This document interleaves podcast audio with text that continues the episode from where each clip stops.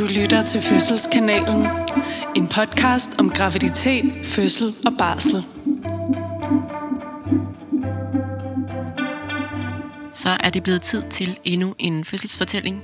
I dag har vi Una, som fortæller om fødslen af sit første barn, og det er den klassiske historie om fødslen af ens første barn, hvor man øh, måske bliver en lille smule overrasket over, hvor lang tid det kan tage at føde sådan et barn.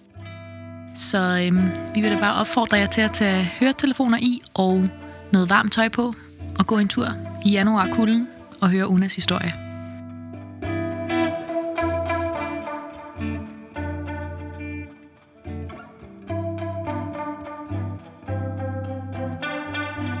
...2016. Jeg bliver gravid med mit første barn. Jeg er 29 år gammel. Jeg er en hvid cis-kvinde, og jeg lever i et heteroseksuelt forhold med Malte.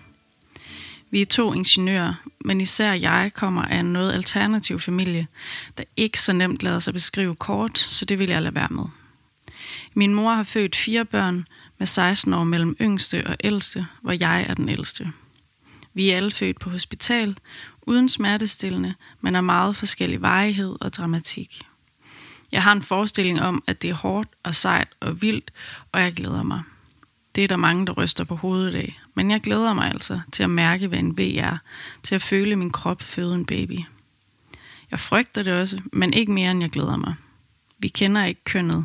Vi ville egentlig gerne kende det, men baby havde lagt sig, så det ikke rigtigt var til at se, og så valgte vi, at så måtte vi leve med ikke at kende kønnet. Jeg har en lillebror med trisomi 21 og får nakkefoldsscanningen. Ikke med øje for at ville vælge en downs fra, men fordi jeg godt vil være forberedt, hvis sandsynligheden er stor. Det er den ikke. Jeg beslutter mig ret tidligt for, at jeg godt vil undgå smertestillende og generelt indgriben, da jeg kan læse, at der er en del bivirkninger ved de fleste af dem, og fordi jeg har en mor, der jo har klaret det uden, så det kan jeg vel også. Jeg læser, at bevægelse kan være en god måde at arbejde med smerten på, og så vejrtrækningen. Jeg kan meditere og har før brugt det, når min migræne bliver slem. Mine menstruationssmerter har jeg nogle gange bevæget mig igennem og brugt vejrtrækning på, så jeg har en følelse af, at bevægelse og vejrtrækning, det kan jeg godt finde ud af. Og så er mit fokus ellers på at gå ind i ven og arbejde med den. At jeg for alt i verden ikke må modarbejde den og spænde op. Jeg har været igennem et kejlesnit nogle år forinden, og min jordmor fortæller, at det kan forlænge fødselens indledende fase, da arvævet skal give sig. Men når det først sker, så går det ofte stærkt. Jeg er ikke bekymret. Min forestilling om en lang fødsel er noget, der måske tager et døgn, og et døgn smerter kan jeg sagtens klare. Det er dog ikke noget, vi snakker om, det er tidsperspektiv. Det er bare inde i mit hoved. Både min mor og min farmor skulle have hjælp til at føde moderkagen, så den del er jeg spændt på. Men jordmoren beroliger mig med, at man kan få en sprøjte, så den nemmere giver slip og kommer ud. Det gør mig lidt tryggere. Den offentlige fødselsforberedelse består af to foredrag i en stor sal, fyldt med kvinder og deres partnere. Det er kun det allermest basic, der bliver gennemgået. Jeg er egentlig okay med det. Jeg er via mit studie vant til at søge viden selv, så det gør jeg. Udover hvad der kan virke smertestillende, læser jeg også, at amning altså ikke bare kommer til mor og baby. Nogen skal kæmpe for det og lære det, og jeg er klar. Fast forward til terminsdatoen 13. juni 2017. Dagen, der har stået highlightet i mange måneder nu, kommer og går, uden nogen tegn på baby vil ud. Jeg er tung og klar til at føde. Målet har været at skulle forbi nytår, og det er vi. Så nu må baby altså godt komme ud. Legemålet er opsagt. Jeg har altid været meget påvirket følelsesmæssigt af hormoner, så graviditeten har været lidt en følelsesmæssig rutsjebane, og jeg er klar til at komme tilbage til mine egne følelser, der ikke er helt så voldsomme, og som jeg bedre kan kontrollere mandag den 16. januar 2017. Vi har fået at vide, at vi mandag den 16. januar skal ringe til fødegangen for at få en tid til et tjek og en snak om igangsættelse. Men klokken 4 mandag morgen vågner jeg til en meget mild V, og jeg fyldes af spændthed og adrenalin.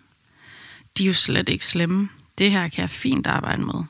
Inde i mit hoved forventer jeg nok en fødselsdato, der kommer til at hedde den 16. januar 2017. Dagen efter morfars fødselsdag. Perfekt. Jeg vækker min kæreste Malte og fortæller, at jeg har vejer og ikke kan sove. At han fint kan sove videre, men at jeg går ned og timer dem. De er 40-50 sekunder lange og kommer med 7-9 minutter imellem. Helt regelmæssigt. Malte vil ikke tage på arbejde, når jeg så tydeligt har vejer. Jeg har stort set ikke haft plukkevejer i graviditeten, så det er tydeligt, at noget er i gang. Jeg går med de her vejer hele dagen, spiller Playstation med dem, strikker med dem. De bliver gradvist lidt kraftigere, og jeg begynder at arbejde med dem. Lige så meget, fordi jeg har brug for at afprøve mine forberedte værktøjer. Jeg er ved godt mod og fuld af spænding. Om aftenen ved 23-tiden nærmer de sig et minut, og med et interval på næsten 5 minutter. Det vil sige, at jeg har perioder, hvor der er 5 minutter imellem, og perioder, hvor de er et minut lange. Men ikke helt samtidig. Vi tænker dog, at vi hellere må ringe til fødegangen, for vi har jo alligevel været i gang siden klokken 4, og jeg vil gerne videre til næste fase. Jeg har nu erkendt, at fødselsdato nok bliver den 17. januar 2017. Også en god dato. Vi pakker bilen med tasker, snacks, tager overtøj på, og så ringer jeg til fødegangen. Spændt. Og så forsvinder mine vejer. Fuldstændig. Jeg sidder og snakker med en sød jordmor, som venter på at høre en V, og der kommer ikke nogen. Det til trods for, at de har været fuldstændig som perler på en snor hele dagen. Hun synes, jeg skal blive hjemme og arbejde med vejerne, så snakkes vi nok ved senere i nat. Hun anbefaler mig at få sovet lidt, så vi går i seng. Jeg er lidt skuffet over det, og føler mig lidt forrådt af min krop, men stadig ved godt mod. Tirsdag den 17. januar 2017. Jeg får sovet 6 timer og bliver igen vækket af vejerne. Det føles som om, de har været i gang i et stykke tid, der jeg vågner rigtigt, og den sidste del af søvnen ikke har været super god, men samtidig kan jeg heller ikke få sovet mere. Der er cirka 7 minutter imellem, og de er 50 sekunder lange. Jeg kan ikke længere sidde stille, når jeg har en V, men må op og stå, eller om på knæ og rotere med hofterne. Malte hjælper med modtryk på lænden i perioder. I perioder er det også rart at sidde på kanten af sofasædet og vugge i bækkenet. Om aftenen ved 22-tiden går Malte op og sover. Jeg kan ikke sove. Vejerne bliver gradvist kraftigere, men de vil ikke rigtig ramme et minut med fem minutter imellem. Jeg er ret forundret over, at det kan tage så længe, man kører på. Jeg tager det hele sådan en time ad gangen. Jeg spiser, drikker og er i min rede på sofaen, hvor jeg har mine forskellige positioner, der virker, når jeg har en V. Onsdag den 18. januar 2017. Lige over midnat ringer jeg igen til fødegangen. Denne gang forråder min krop mig ikke, og jeg har vejr imens. Jordmoren er sød, men hvis jeg har mod på det, synes hun, jeg skal blive hjemme og arbejde med vejerne. Jeg er skuffet. Hvorfor tager det så lang tid? Det er da ikke normalt. Men jeg kan ikke gøre så meget andet end at køre på. Jeg er stadig fortrøstningsfuld i det mindste er der vejer, og de bliver kraftigere, men jeg kan stadig være i dem og arbejde med dem. Denne nat med vejer foregår på sofaen, hvor jeg blunder med vejer ind imellem, er vågen og blunder igen. Jeg aner ikke, hvor meget søvn jeg reelt får. Vejerne kommer med syv minutter imellem, hver gang jeg timer dem. Og de niver i lænden. Malte får sovet. Vi er ret enige om, at det er godt, hvis en af os får hvilet. Jeg er ved godt mod, da morgenen kommer, og men både jeg og Malte er forundret over, at det tager så længe. At vi stadig er hjemme og ikke på hospitalet. De er efterhånden ret intensiverende, men jeg arbejder stadig med dem. Stående, lænet over noget, enten på knæ eller fødder, mens jeg roterer bækkenet. Vi griner og fjoller, og men jeg godt kan mærke, at jeg er træt. Humøret er stadig godt. Jeg får mig et varmt bad, og det er skønt at stå i bruseren. Malte er lidt af en fotonørd, og han mangler den helt rigtige linse til at få evige baby med, og den dukker op 40 minutter væk fra, hvor vi bor. Så vi aftaler, at han henter den. Hvis det hele går stærkt, hvilket vi meget betvivler på nuværende tidspunkt, så kan vi mødes på hospitalet. Svigermor og svigerfar bor vi sammen med i hver vores længe af vores lille firlængede gård, så de kan jo køre mig. I samme øjeblik Malte er ud af døren, går det ned ad bakke med humøret og overskuddet. Mine batterier er tømt, jeg er frustreret, min lænd spænder ikke helt af mellem vejerne, min krop er brugt, og jeg synes, det er så uretfærdigt, at min fødsel skal være så lang og de skide vejer ikke vil blive lange nok med kort nok pause. Jeg ringer først til min mor og græder og græder og græder. Hun er langt væk, men lytter og siger, at jeg skal ringe til Malte og fødegangen. Så ringer jeg til Malte. Vi aftaler at ringe til fødegangen, når han er 10 minutter væk. Så ringer jeg til svigermor. Jeg kan ikke holde ud at være alene, og vejerne kommer ufortrøden som perler på en snor, med 6 minutter imellem hele vejen igennem samtalerne. Da jeg endelig kan ringe til fødegangen, er det en sød jordmor, der tager telefonen. Jeg græder, og jeg tror, hun tydeligt kan høre, at jeg har brug for at komme ind på hospitalet. Så det aftaler vi. Det er en lettelse at være på vej. Det er dog også nervepigerne. Jeg frygter, at de sender mig hjem igen. Det vil jeg for alt i verden ikke. Men jeg frygter også, hvor længe endnu jeg skal gå med vejer, før vores baby kommer. Sædevarmen er min redning i bilen. Vi ankommer til Holbæk Hospital kl. cirka 19, og jeg går stille og roligt hele vejen ned til fødegangen, hjulpet af Malte. Jeg klarer endda trapperne.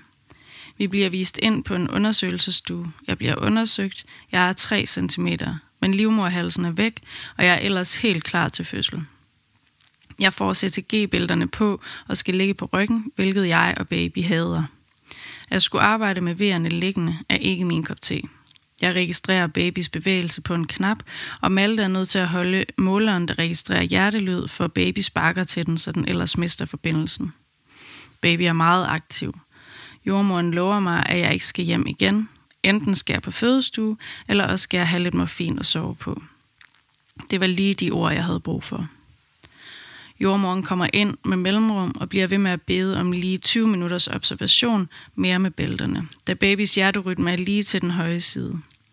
Jordmoren siger også, at jeg ikke behøver at registrere alle babys bevægelser, hvilket Malte og jeg synes er sjovt, for baby har igennem hele graviditeten bevæget sig voldsomt, når jeg ligger på ryggen. Det eneste, der redder mig, er den varme dunk, jeg har i lænden. Den er rar. Vi spiser lidt snacks og drikker lidt. Hvad ved jeg ikke. Endelig, efter to og en halv timer, falder baby i søvn, og hjertelyden falder inden for normalen. Klokken er 23. Jeg får morfin at sove på. De finder en seng, som alle kan sove ved siden af mig. Morfinen vil virke i fire timer, så jeg ser frem til fire timers søvn. Skønt. Jeg bliver undersøgt og er nu 4 cm åben med lidt god vilje. Jeg får en ny varmepude og morfin. Vejerne fortærer sig, og jeg falder i søvn. Torsdag den 19. januar 2017. Halvanden time senere vågner jeg til et pop og et plask. Mit vand er gået. Vi tilkalder jordmor, men da vandet er klart og lyserødt, må vi godt sove videre. Jeg havde ikke regnet med vandafgang af sig selv, da både mor og farmor har fået prikket hul hver gang. Det var en fed oplevelse. Jeg prøvede at sove, men nu niver de vejer for alvor, så der går ikke længe, før vi tilkalder jordmor igen. Jeg bliver undersøgt og er 9 cm åben, og jeg kan vralte ud på fødegangen og hen til fødestuen. I nettrusser med bind i og intet andet på underkroppen, men fuldt påklædt på overkroppen, og jeg skænker det ikke en tanke. Inde på fødestuen er jordmor og jordmorstuderende. Sidst nævnte er på sidste semester, så hun vil være den, der står for det meste, og jordmor vil observere. Min jordmor strikker nogle fine blå strømper. Hvis hun kan sidde og strikke, så behøver jeg ikke bekymre mig. Den jordmorstuderende spørger, om jeg har nogle ønsker til min fødsel. Ja, jeg vil godt i vand, tak. Hun går hen imod fødekarret, men jordmoren stopper hende. Jeg må ikke komme i vand, da jeg har fået fin. Jeg tager derfor vejerne stående, men bøjet forover med albuerne i sengen og med roterende hofter. Jeg er spændt og noget groggy. Endelig sker det. Jordmor observerer og skriver journal. Den studerende måler hjertelyd og er hands -on. Jeg føler, at jeg skal presse og få lov. I starten går det meget godt, men trætheden indhenter mig, og mere og mere af overkroppen ryger i briksen. Til sidst sidder jeg ned mellem vejerne på yogabolden. Jeg kommer op og ligge på siden på briksen, hvor jeg falder i søvn mellem vejerne, og de begynder at blive kortere og pauserne længere. Jeg bliver bedt om at stille mig op igen. Jeg er så træt og kan ikke overskue smerten. Jeg står op, lænet forover med låste knæ. Hele vejen igennem min fødsel er Malte der, med humor, fuldstændig tillid til mig og min krop, og bare totalt støttende. Malte foreslår, at jeg bevæger mig lidt med vejerne. Jeg vrisser tilbage, men da han nok har ret, gør jeg det. Jeg er ret opgivende og træt, så helt igennem træt. Jeg presser halvhjertet, og imellem vejerne er jeg nærmest i koma. Hjertelyden er fin, så baby har det godt. Den studerende og jordmoren begynder at snakke fagsprog frem og tilbage. Det er tydeligt, at der skal ske noget, men hvad? Jordmor foreslår vedrop. Jeg har ikke lyst, men er så træt og kan ikke overskue at fortsætte som nu. Så jeg siger ja, så det kan overstås. Jordmor går ud for at klargøre vedrop. Malte siger til mig, at nu det er så nu, og jeg bliver stedig, for jeg gider ikke det vedrop. På en eller anden måde finder jeg kræfterne og presser, presser igennem, selvom det gør ondt, presser, selvom jeg er træt. Malte siger, at han nærmest bliver trukket om kul, da vi holder i hånden, som vi har gjort det meste af tiden. Han sikrer, at jeg får noget at drikke og støtter og hæpper og skubber mig til at yde endnu mere. Da jordmor kommer tilbage med det klargjort veddrop, afblæser den studerende veddroppet, for fødslen er i gang. Jeg presser. Det sviger, og jeg kan mærke, at baby ikke længere glider helt så meget tilbage mellem vejerne. De kan ikke finde hjertelyd, så de vil godt have en elektrodemåling på hovedet. Så jeg må vralde om på den anden side af briksen. Seriøst. Hjertelyden er fin, og jeg får grønt lys til at presse videre. I næste pause får jeg at vide, at ved næste V vil der komme et punkt, hvor jeg skal stoppe med at presse og gispe igennem ven, og så vil babys hoved blive født. Malte kan høre vand, der plasker, og se, at den studerende, der sidder på knæ bag mig, nu ikke længere har hænder på mig, men på noget uden for mig. Malte græder af glæde og vil gerne se, men jeg holder fast i ham, og han vil også gerne være der for mig. Ved næste V presser jeg, og kroppen fødes. Den studerende rækker mig baby gennem mine ben, og støttet af jordmor og Malte modtager jeg min baby. Jeg kommer op på briksen og ligge, for oxytocin i låret, og ligger og ser på min baby. Al træthed er væk. Se en fin lille, ja, hvad er det? En pige. Vi har fået en lille pige. Født kl. 34 om morgenen, 72,5 timer efter jeg blev vækket af den første modningssved. Hun har de fineste duen på skulderen, som jeg ærer igen og igen.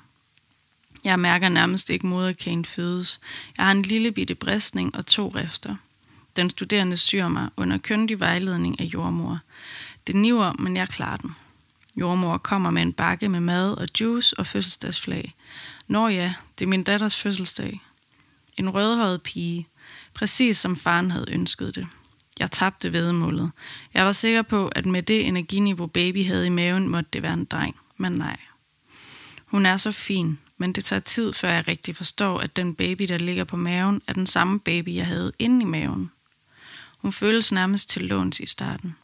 Kærligheden er mere instant for Malte. At blive mor har ændret mig for altid. Mine prioriteter og mit liv. Men det er en lang historie til en anden gang. Jeg er efterladt af en følelse af at være superwoman. At føde et barn er et hej, jeg aldrig har oplevet. Hverken før eller siden. Der går ikke mange uger, før jeg begynder at glæde mig til næste fødsel. Ja, den var lang, men jeg klarede det selv, til trods for smerte og ingen søvn. Maltes måde at kigge på mig i tiden efter fødslen, fuld af kærlighed og forundring, gjorde, at jeg følte mig som den sejeste i hele verden. Det her kunne jeg finde ud af. Det var en god fødsel, en fed fødsel, men bedst af alt, vi fik en skøn, smuk, vidunderlig datter ud af det. Hvis jeg sådan skal sige, hvad nøgleordene i min første fødsel var, så er det fuld tillid fra min kæreste, positivt og nysgerrigt mindset, bevægelse og vejrtrækning.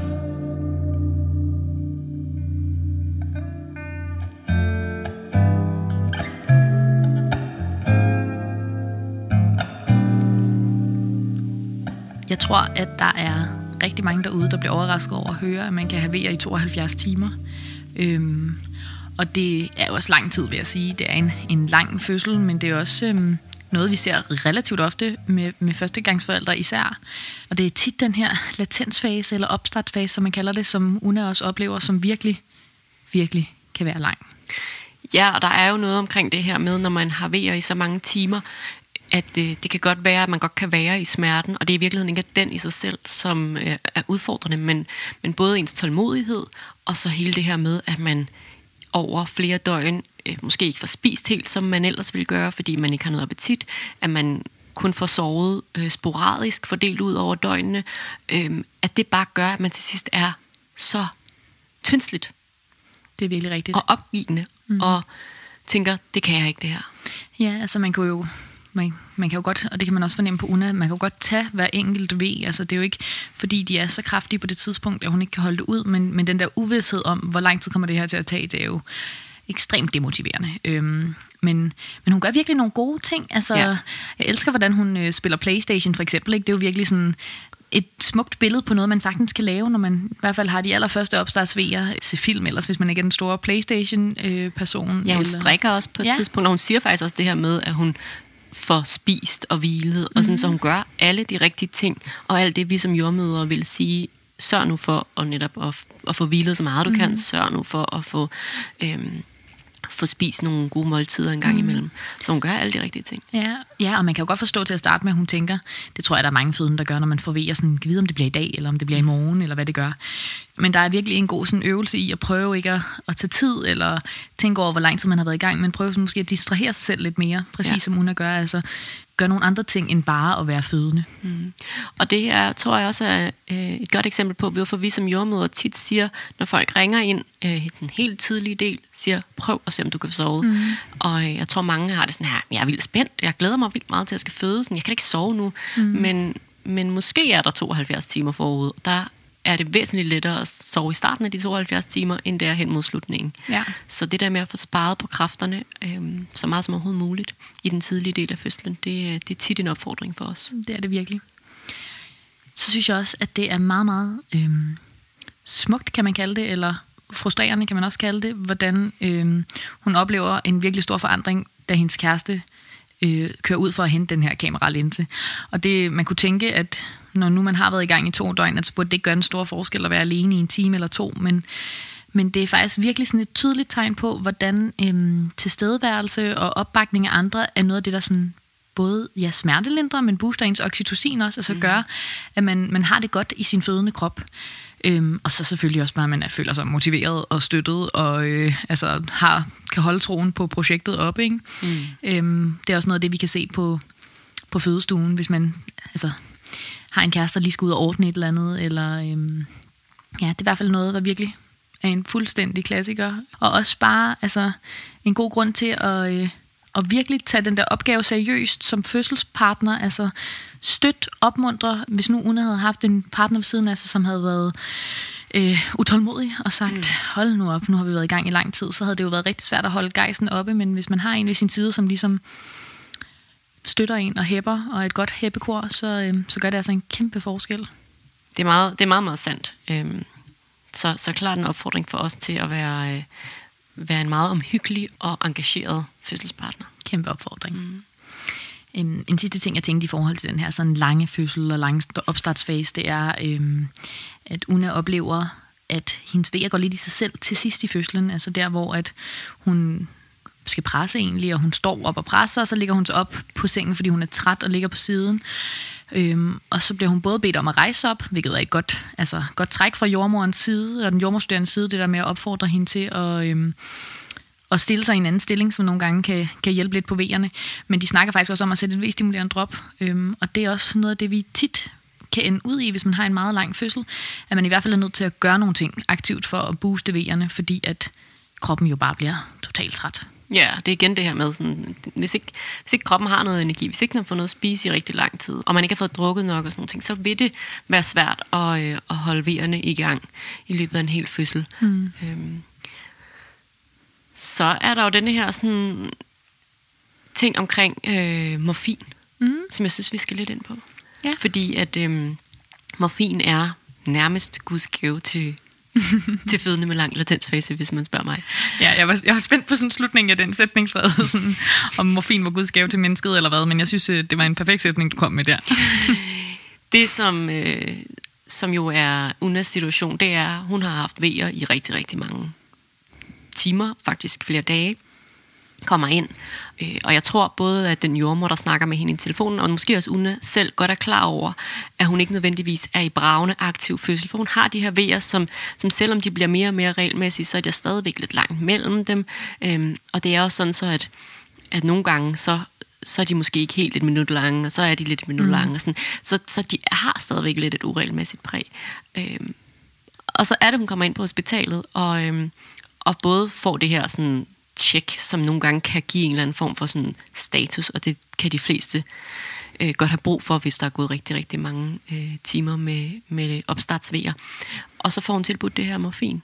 Og, øh, og morfin kan virkelig noget rigtig godt, fordi det, det kan fjerne, hvis ikke vejerne fuldstændig, så kan det fjerne øh, en stor del af dem. Mm. Øh, og, øh, og mange har meget lettere ved at hvile, når de har fået morfin, mm. og nogen oplever faktisk at kunne sove. Mm. Øh, og som hun også fortæller her, så er idealet, at man kan sove sådan en fire timer, fordi det er cirka så lang tid, vi har en forventning om, at morfinen vil virke. Øhm, for hende var det kun halvanden time. Men selv det at kunne få en pause på halvanden time, hvor man rent faktisk får sovet, hvis ikke man har sovet rigtig mange dage. Det kan være guld værd mm. for det videre forløb. Og, og det er sådan en helt klassisk ting. Det er sådan noget, som vi som jordmøder nogle gange kan finde på at sige til hinanden, når der kommer en, øh, en førstegangsfødende ind øh, i opstartsfase, og som er de der 3-4 cm. Nu giver jeg morfin, og øh, om fire timer, så er hun 8-9 cm. Mm. Øhm, fordi at det bare øh, er noget, der sker ret ofte, at kroppen får simpelthen slappet så meget af, at vejerne får mulighed for at arbejde bedre, og, øh, mm. og så ser vi tit, at man, øh, man faktisk når rigtig langt i fødsel. Mm, ja, så selvom man har været rigtig god til at spænde af og arbejdet med sin krop, øhm, så vil det på et eller andet tidspunkt bare blive rigtig, rigtig svært at være sådan blød i kroppen og give, give plads til vejerne, når man har været i gang så længe. Så det, øh, det sker faktisk tit, at man også kommer længere i fødsel. Selv hvis man ikke gør, selv hvis man er det helt samme sted, så er den pause jo bare noget, der kan give en lidt mere øh, kampgejst til resten af fødslen. Men øhm, der er også noget andet med de fire timer der, og det er jo, at når man regner med, at morfinen virker i fire timer, så har vi også en, øhm, sådan en lille forholdsregel, der hedder, at hvis man nu skulle føde rigtig hurtigt og føde inden for de fire timer, så er der en risiko for, at barnet vil være påvirket af morfinen, øh, fordi den jo stadig virker. Og så kan de have lidt sværere ved at komme i gang med deres vejrtrækning, fordi de er sådan lidt sløve. Så der er vi ekstra opmærksomme, og der har vi noget modgift klar på fødestuen, som man kan give barnet, hvis nu at det er tilfældet, i langt, langt de fleste tilfælde, så kommer de ud og har det helt fint, selvom der ikke er gået så lang tid. Men det er det, der gør både, at vi kun giver morfin i opstartsfasen, altså når vi regner med, at der er mere end fire timer til man føder. Øh, men det er også det, der gør, at hvis man så lige pludselig overrasker, og selvom man har haft i tre døgn, så lige pludselig så går det bare monster hurtigt, så, øh, anbefaler man for eksempel ikke, at man kommer ned i badekarsen som Una øh, for at vide, fordi at man gerne vil kunne, øh, kunne hjælpe, hvis det her barn har brug for hjælp, når det bliver født. Så der er nogle ting, hvis nu man skulle føde hurtigt, som kommer til at være en lille smule anderledes. Men det er ligesom sådan den overvejelse, man må, må gøre med sig selv, når man ligesom får tilbudt morfinen, om man synes, det er det værd. Jeg synes også, morfin er fantastisk, og et kæmpe godt værktøj i de her situationer. Ja, og jeg tror faktisk, jeg er ellers sådan en, som, som også bare i min dagligdag gør, hvad jeg kan for at undgå alt for mange sådan smertestillende piller og sådan nogle ting og sager. Mm. Øhm, men hvis jeg stod i den situation på et tidspunkt, der skulle føde, og, og jeg havde en lang opstartsfase, så ville jeg simpelthen ikke tøve et øjeblik med mm. at øh, takke ja til morfin, hvor jeg måske ville være en lille smule mere sådan, jeg skulle nok lidt mere overtagelse til, for at få mig til at sige ja til en epidural blokade. Sådan noget. Mm. Men det er fordi, at morfinen har den der effekt med, at den, den virker øh, i ja, sådan rundt regnet fire timer. Og når de fire timer er gået, så er man helt tilbage til at være ukompliceret øh, mm. fødende. Det vil sige, der skal ikke mere overvågning på. Øhm, der skal ikke laves andre forholdsregler. Mm. Det er kun, hvis man vælger at føde inden for de fire timer. Og nu siger jeg vælger, det ved jeg selvfølgelig godt, der er ikke nogen, der gør. Men hvis det skulle gå stærkt, og man føder inden for de fire timer, at ja, så skal vi have både noget modgift til barnet, hvis den skulle være påvirket, og en, en børnelæge på stuen også. Mm. Jeg øh, har været med til fødsler, hvor der er gået mindre end fire timer, også nogle gange væsentligt mindre end fire timer. Øh, jeg tror måske, jeg er den hurtigste har født efter to timer.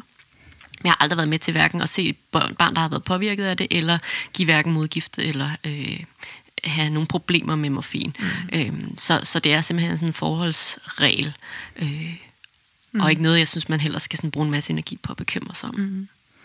Nej, det er nemlig det der med, at det kan faktisk gøre noget rigtig godt for ens fødsel i længden. Altså det, at man også bare har noget andet overskud. Og øhm, ja, det er, det er godt, at det er et værktøj, der er i værktøjskassen. Man skal selvfølgelig kun bruge det, hvis man har brug for det. Så hvis man er en af dem, der kommer ud i en lang latensfase, og man får tilbuddet, så øhm, er det jo dejligt, det er en mulighed.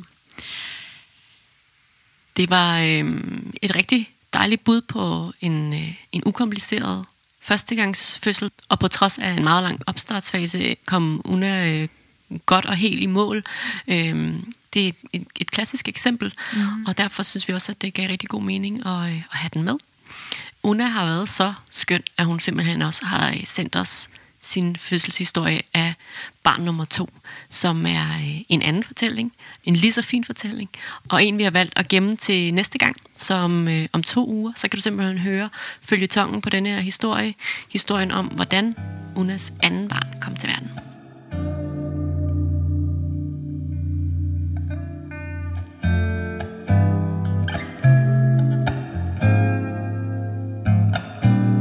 Lyttet til en fødselsfortælling på Fødselskanalen. Fortællingen var oplæst af Rikke Østergaard. Vi er dine værter, Sigrid Arnbjerg og Frederikke Dørfler.